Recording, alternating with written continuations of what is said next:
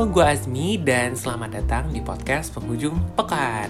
Di podcast ini, gue bakalan menginfokan beberapa lagu yang telah gue kurasi. Bakalan ada beberapa story atau cerita di balik masing-masing lagu tersebut. Kalau misalkan kalian ada suggestion lagu yang pengen kalian dengerin di podcast ini, itu bisa kalian infoin langsung ke gue aja. Nanti bakal gue kurasiin dan jangan lupa juga infoin cerita di balik lagu yang pengen kalian dengerin dan pengen di-include dalam podcast ini. Well, berhubung ini adalah episode introduction, gue bakal ngasih tahu kalian kenapa finally podcast ini hadir di hadapan kalian semua. Sebenarnya gue udah pernah disaji sama salah satu teman gue untuk produce podcast, tapi gue takut karena beberapa hal. Pertama gue tahu bikin podcast itu butuh komitmen sebenarnya karena produce podcast itu butuh komitmen di beberapa hal, mulai take rekaman suara, terus um, editing, dan gue jujur yang paling berat itu adalah di bagian editingnya. Terus mulai dari bikin script juga jangan lupa itu yang pertama kali dibikin. Kalau misalkan gue nggak punya script gue nggak mungkin ngomong ini. Finally gue overcome those fears. Finally make this podcast. Dan kenapa gue akhirnya memberanikan diri untuk bikin podcast ini? Karena jujur gue kangen banget sama ya radio itu gue selalu mendengarkan suatu uh, program radio. Gue lupa stasiun radio apa. Dan mereka itu bikin acara yang listenernya bisa menyampaikan salam. Dan salamnya itu isinya adalah kayak um, celebrating your friend atau keluarga kalian yang lagi birthday dan selalu muncul lagu yang khas banget. Ini dari Lake yang judulnya Celebrate coba dengerin ya.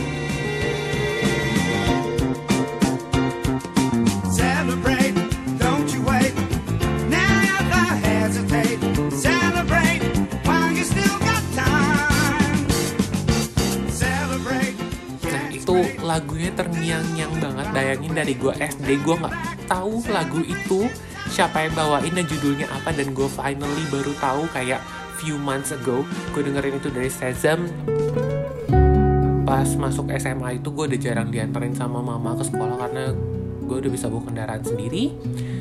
Terus masuklah gue kuliah gue kuliah di Bandung dan pas awal tahun pertama kuliah itu kan gue harus milih unit kemahasiswaan tuh. Terus gue menemukan unit radio. Di kampus gue itu ada dua unit radio dan gue finally masuk di radio kampus ITB kayak gitu di tahun 2012 terus gue dilantik sebagai music director. Tapi at the end gue merangkap menjadi announcer sekaligus produser juga. Karena gue di tahun 2012 itu masih seneng-senengnya banget sama K-pop. Dan di radio kampus ITB itu cuma ada beberapa orang aja yang tahu tentang K-pop. Dan gue melihat ada chance buat ngegedein audiens K-pop di radio kampus ITB pas itu ada acara K-Circle terus gue tambahin sama chart yang dedicated buat lagu-lagu K-pop di tiap minggunya. Dan di situ gue yang produce chartnya tiap minggu gue yang bawain acaranya. Terus gue bawa, sempet bawain case circle juga kayak ngundang beberapa um, kayak community fans dari beberapa girl band dan boy band gue kemudian jadi bagian dari kepengurusan Radio Kampus ITB jadi head of ownernya Radio Kampus ITB selama setahun. Dan itu gue kurang lebih aktif di Radio Kampus ITB sekitaran 2 tahun. Terus gue akhirnya memutuskan vakum di tahun 2015 karena gue pengen fokus ke tugas akhir dulu karena gue targetnya harus lulus on time that's why gue harus sacrifice I know that that was very hard. Tapi alhamdulillahnya itu terbayarkan sih dengan gue akhirnya lulus tepat waktu. Sebelum gue wisuda gue sempat balik ke Pontianak dulu tuh sekitaran kayak sebulan. Terus kayak gue kangen banget siaran sebenarnya. Karena gue nggak bisa siaran lagi karena udah almost alumni terus gue balik ke Pontianak terus gue menemukan salah satu radio swasta di Pontianak radio Volare. Bersantai maupun sibuk beraktivitas radio Volare selalu temani Bujang Dare 1034 FM Hai Bujang Dare gue sering banget interaksi sama Radio Polare karena gue seneng banget sama Radio Polare karena dari segi musik dari segi program yang mereka sajikan mereka itu lumayan gue bisa mengatakan tanda kutip nyentrik. Nyantriknya tapi dalam artian positif. Dari segi musik Volare itu warnanya beda banget dari radio-radio yang ada di Pontianak. Jadi istilahnya kayak um, Volare itu will enrich your song knowledge jadi instead of playing mainstream song, mereka itu lebih memberikan warna ke music taste kalian. Kalau misalnya kalian butuh rekomendasi lagu-lagu yang jarang dengerin orang dan patut banget itu kayak istilahnya worth it buat didengar, kalian harus dengerin Volare. Karena gue sering interaksi, gue akhirnya pernah ditunjuk sebagai listener of the month itu di bulan Juli tahun 2016. Gue seneng banget ada momen karena gue dikasih kesempatan satu bulan penuh buat tanda kutip membajak radio Volare. Gue bisa siaran gue bisa apa lagi ya? Oh bisa nitip playlist juga. Karena mereka ada program playlist of the week. Itu gue ingat banget acaranya malam minggu sebelum Rhythm of the Night kayak sekitaran jam 6 atau jam 7 terus gue nitipin playlist gue ke mereka. Dan itu dibawain sama Ganis. Hai Ganis. Dibawain sama Ganis terus selain playlist gue juga sempat tap in di beberapa acara mereka membajak acara mereka nggak diundang gitu tiba-tiba kayak tap in di beberapa acara mulai Volare siang gaul bareng Volare Hai Kiki Hai Lisa Hai Riri dan gue seneng banget sih Karya terus ada Kak Elis juga. Gue seneng banget that moment karena gue dikasih kesempatan untuk jadi part of Radio Volare selama sebulan dan I'm feeling grateful when I remember those time. Jadi gue I do treasure those times. Dan gue masih keep in contact sama every single radio Volare crew sampai sekarang. Karena gue masih sering request lagu. Terus kayak kalau misalnya gue masih sempat gue ngirimin playlist of the week juga. Terus kayak gitulah. Berakhirlah bulan Juli 2016 gue wisuda. Terus mulai memasuki masa kerja dan gue bener-bener kayak vakum dari dunia radio. Karena gue fokus sama kerja selama tiga tahun gue merasa kayak ada sesuatu yang kurang gitu. Kayak there is happiness that I haven't been doing. Ngerasa kurang aja gitu karena gue merasa radio itu part of my hobby. Karena gue selalu seneng being an announcer nyusun playlist terus kayak being producer. I enjoy those tasks.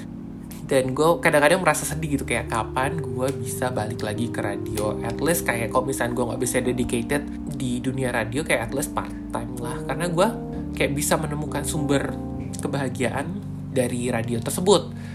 Dan di tahun ini kebetulan di tanggal 11 September itu tiap tahun kan kita uh, merayakan hari radio nasional ya. Dan gue selalu celebrate gue selalu mengucapkan selamat hari radio nasional. Dan kebetulan tahun ini gue melihat um, perayaannya lumayan meriah nih karena ada beberapa uh, stasiun radio yang mengadakan lomba, ada grup radio yang memberikan kesempatan para listenernya untuk menjadi bagian dari mereka kayak dikasih kesempatan buat siaran sebentar selama satu jam. Itu grupnya Jack FM. Gue agak skip di bagian itu karena gue udah skip di bagian tersebut. Gue ternyata ketemu nih sama salah satu grup radio di Jakarta yang mengadakan semacam challenge juga jadi announcer judulnya jemput panggungmu itu yang diadain sama Kagio Radio Network dan di situ bentukannya submission dalam bentuk uh, eh, IGV terus gue bikin lah kayak gue taunya lumayan last minute sih kayak last than a week before before the deadline. Gue bikin itu gue inget banget bikinnya tengah malam karena gue nggak tahu cara ngedit video. Gue kelar take itu kayaknya gue inget banget itu di Rabu atau pokoknya Rabu tengah malam. Kayak jam sekitaran jam 2 baru kelar terus kayak sejam ngedit dan gue kelar baru jam 6 pagi. Sahabat Sonora masih bersama saya Fidel dan rekan saya dan tentunya Azmi di sini. Ya, jadi kita hari ini sedang membahas mengenai penerapan protokol kesehatan, cuci tangan, jaga jarak dan pakai masker juga ya. Betul sekali. Kalau saya tentunya sudah selalu menerapkan protokol kesehatan. Mm -hmm. Tapi pasti kamu sering lihat ya orang-orang yang melanggar protokol kesehatan gitu ya. Kalau menurut kamu gimana? Jujur Del, saya juga ngerasa risih dengan orang-orang yang abai tersebut. Ditambah lagi jumlah terkonfirmasi COVID-19 di Indonesia saat ini sudah mencapai angka 257 ribu kasus. Dengan angka tersebut sudah menjadi kewajiban kita nih sahabat Sonora untuk menjaga protokol kesehatan. Karena hal tersebut akan membantu Indonesia segera terbebas dari pandemi COVID-19. Nah, jadi intinya sahabat Sonora, kita harus terus menerapkan protokol kesehatan Betul supaya sekali. bisa memutus mata rantai penyebaran COVID-19. Once itu video udah kelar, udah rampung di edit, gue langsung upload di Instagram gue. Gue sebenarnya tidak berekspektasi gue bakal jadi pemenang karena di situ ada dua tipe pemenang nih, based on likes atau based on pilihan juri. Gue kayak part of celebrating Hari Radio Nasional aja gitu. Gue sampai bela-belain buka gembok Instagram gue demi ikut challenge itu.